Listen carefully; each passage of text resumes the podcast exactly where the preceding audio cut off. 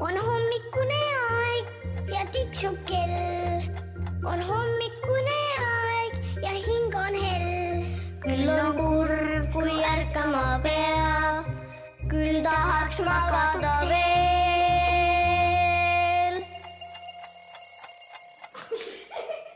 hommik, hommik, siin on seitsmeaastane Maria, tema emme Epp Petrone, kes ma olen kirjutanud mõned raamatud, jutustanud mõned jutud ja nüüd ma jutustan edasi lugu sündimise imest.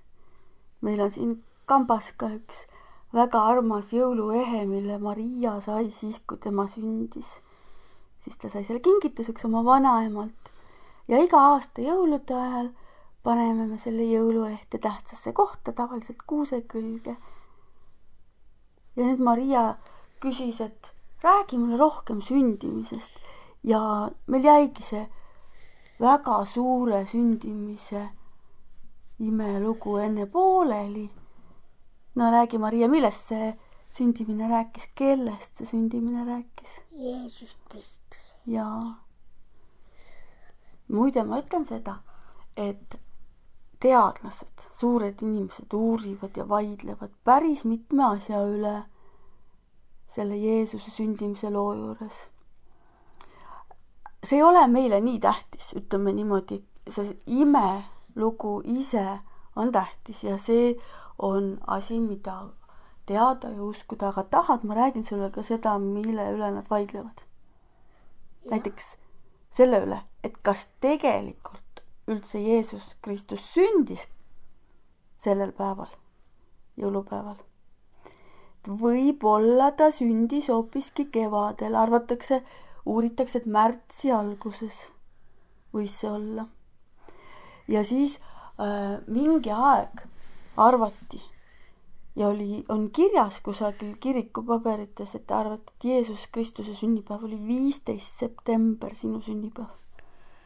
imelik onju sinu sünnipäev, jah. kui ma siis sulle nime panin, Maria, siis ma ei teadnud seda. seda ma alles hiljem uurisin ja vaatasin, mida? et see on ju Maria sünnipäev. küll ma olen siis ingel või? saadud maailmast. tead, ma arvan, et mingis mõttes on kõik inimesed inglid, aga Jeesus oli, oli eriti jumalik ja, ja temal oli see eriline side et nagu ma rääkisin, et tema ema, kelle nimi oli Maria või Maarja, oli valitud Jumala poolt selleks, et jumalik ehm, ütleme siis inimeste abistaja siia ilma sünnitada.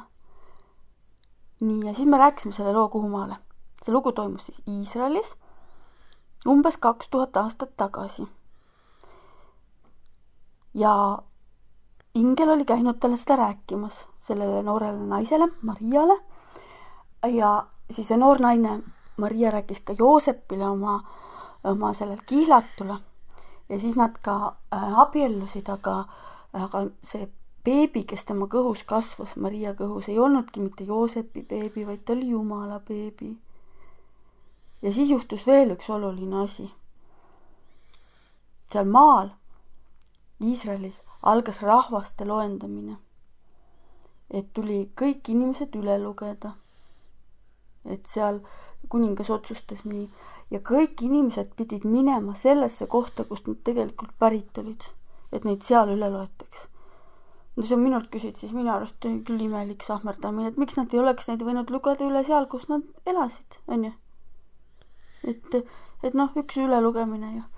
aga ei, juhtus nii, et Joosep ja Maria pidid minema teise kohta. ja kuigi Marial oli selleks ajaks kõht juba päris suur ees ja et varsti hakkab beebi sündima, ikkagi pidid minema. kas sa tahtsid ka seda lugu jutustada, aga räägi siis midagi, mida sina tahad lihtsalt kuulata, et mis siis edasi?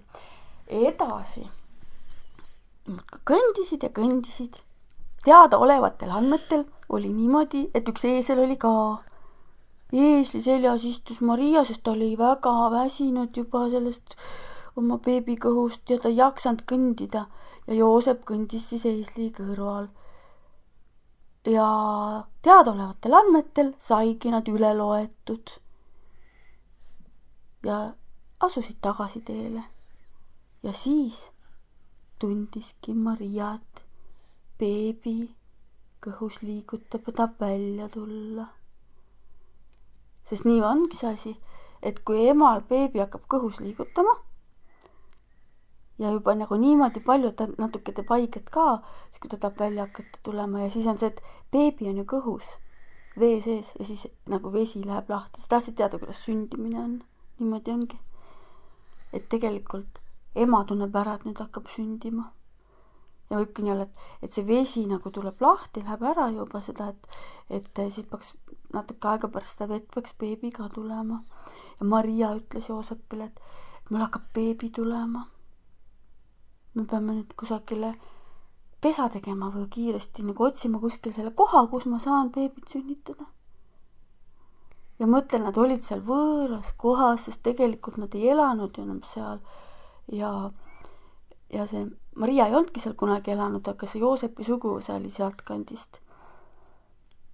ja seal olid kõik majad olid täis, sest et kogu selle rahvaste loendamise pärast oligi üks igavene segadus, et inimesed pidid seal oma sõprade juures ööbima, sugulaste juures, ütles meil ei ole ruumi, meil ei ole ruumi.